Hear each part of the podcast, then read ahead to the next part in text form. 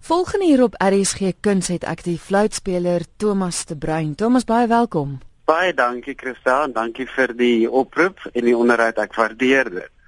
Thomas, ons gesels gou 'n bietjie eers oor jou voor ons oor die komende produksies gesels.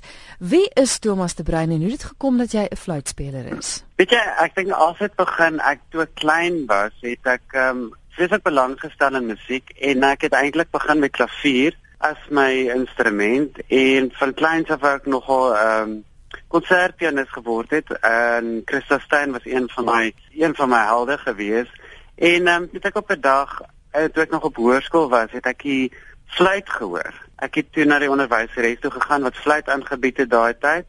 En ek het begin en ja ek het vinnig gevorder en binnekort het fluit my liefde geword. En ja, dit het van daar af het ek net ja, gevlieg met die fluit. So dit was dit het my eerste liefde geword. Toe ek, ek die fluit gehoor het, was ek vreeslik mal oor die die ehm um, ek dink omdat die fluit so na in die stem is.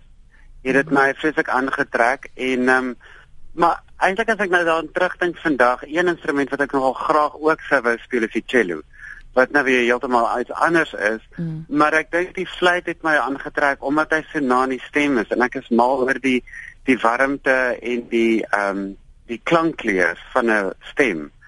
So ek dink dit is wat my aangetrek het want ek was nou nie hierdie verskriklike sanger op skool nie. So ek dink die naaste wat ek kon kom by die stem was actually die fluit geweest.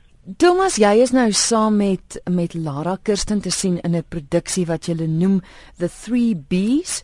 Lost and Transcribed. Vertel my gou-gou van die konsep van van hierdie konsert.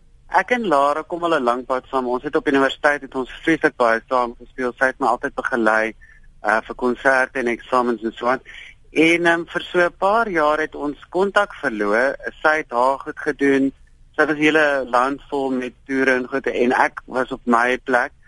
En na so 10 ek dink so 10 jaar wat ons weer kan nie onthou dit gebeur nie, maar ons het net weer kontak gemaak en ehm um, het ons gepraat om weer ietsie saam te doen en ek het net die eendag um, ek onthou ek nog langs die see geloop en toe kom dit by my want ek onthou sy was baie lief vir Brahms en ek weet Brahms het nie regtig iets vir die klif, uh, vir die fluit geskryf nie. Mm. Maar ek het nog ek is net so lief vir Brahms en ek het geweet daar is transkripsies vir die klarinet sonate en ek dink te by myself wel as ons dit doen en daar's die een sonate van Bach wat ons altyd saam gespeel het. En dit dog ek wel daar's altyd die Beethoven se viool sonate wat ek nog altyd wou doen. En dit het toe gekom op die 3 B's.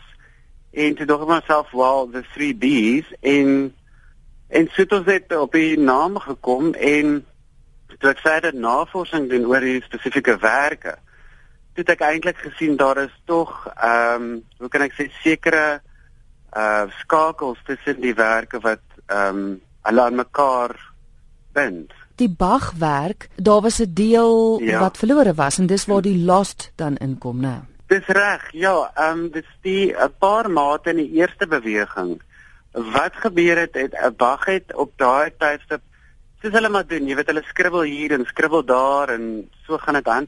So hy het eintlik die sonate geskryf op 'n manuskrippapier en op dieselfde papier het hy 'n ander werk ook begin komponeer. As ek as ek dit kan reg onthou, is dit 'n konsert vir twee klawe symbols of so. En um, toe hy nou die twee werke wou skei, toe moes hy dit in die helfte sny. En op die spesifieke, ek weet nie, so van daai bladsy het, het net verlore gegaan. So daai mate weet niemand wat het gebeur nie die uitgawe wat ek nou gebruik het die uh uit ehm um, uitgewer sommer self gekomponeer wat baie goed is. Ehm mm. um, ek sê nie jy, jy sien nie regtig agterkom dit is nie Bach nie, maar net as gevolg van die kennis daarvan weet ons daai spesifieke mate is verlore.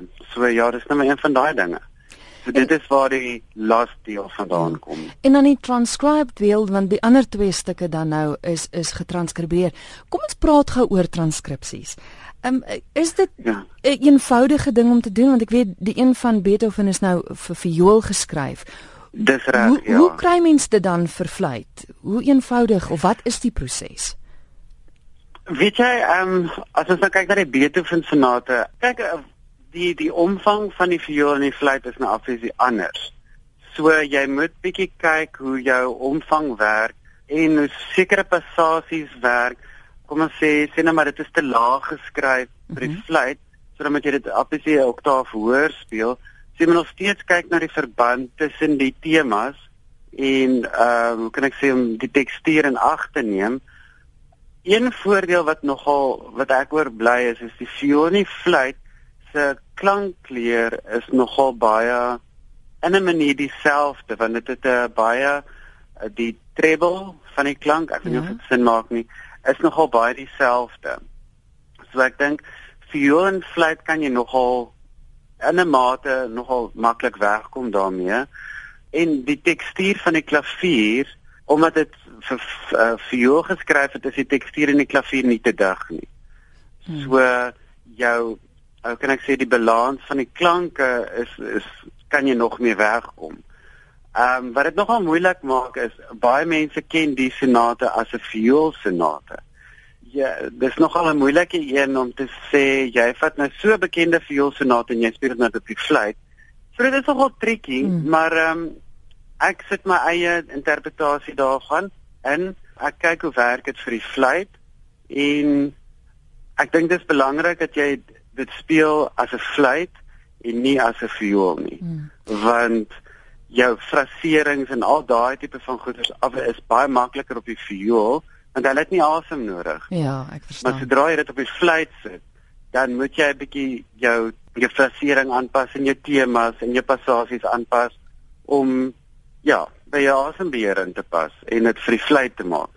So um, ja, daar is dit nogal 'n kreatiewe proses daar agter. Dit is nie net vat die stuk en speel nie. Jy moet bietjie mooi kyk hoe loop die musiek voor jy dit oorvat. Ek gesels met Thomas de Bruin, hy's fluitspeler en hy's nou te sien saam met Lara Kirsten. Sy is pianis en eintlik ook digter. Ek weet 'n vorige keer dat ek met haar gesels toe sy 'n vertoning gedoen het saam met Sandile. In hierdie vertoning is daar weer van haar gedigte te hoor? Ja, baie baie. Ek sou sê hierdie vertoning en produksie uh gaan fisiek baie. Dit gaan oor die 3B's, die musiek, maar haar gedigte sluit so nou aan daarbey dat sy gee ander dimensie aan die musiek. Ehm um, as 'n mens na 'n konsert gaan luister, klavier en fluit, dan jy weet jy gaan konsert en jy sit, jy luister na die musiek en jy gaan huis toe. Daar's nie regtig interaksie met die musiek nie hmm. en jy gebruik nie al jou sintuie as jy na 'n konsert toe gaan nie. En met die met die uh, gedigte, daar's gedigte wat sy praat oor drywe en dit so dit bind al jou sintuie, jy proe, jy kan die musiek luister, jy kan dink daaroor. Ek dink die gedigte bind meer of trek meer jou aandag sodat as jy die gedigte hoor, luister jy anders na musiek as wat hmm. jy gewoonlik doen. Julle is nou van Julie maand af op 'n hele paar plekke te sien. Julle het 'n wintertoer wat julle aanbied. Hoe gaan luisteraars weet presies waar en wanneer julle te sien is? As hulle op my webwerf gaan, dit is www.thomasflute.com, daar onder events, pos ek gereeld van die events, plakate, die details waar die uh, luisteraars dit kan sien. So dit is op op my webwerf of ons het ook 'n Facebook bladsy, um the 3B's Lost and Transcribed wat ek ook gereeld pos opsit en mense kan daar ook die details van die konserte sien. En ek is op Twitter. My Twitter naam is Thomas Flute. So ek is gereeld op Twitter. Um ek is op Instagram ook. So ja, um luisteraars kan my enige plek kry. um en Lara het ook 'n webwerf laraafrika.blogspot.com. So ja, ons is feitelik oral, ja.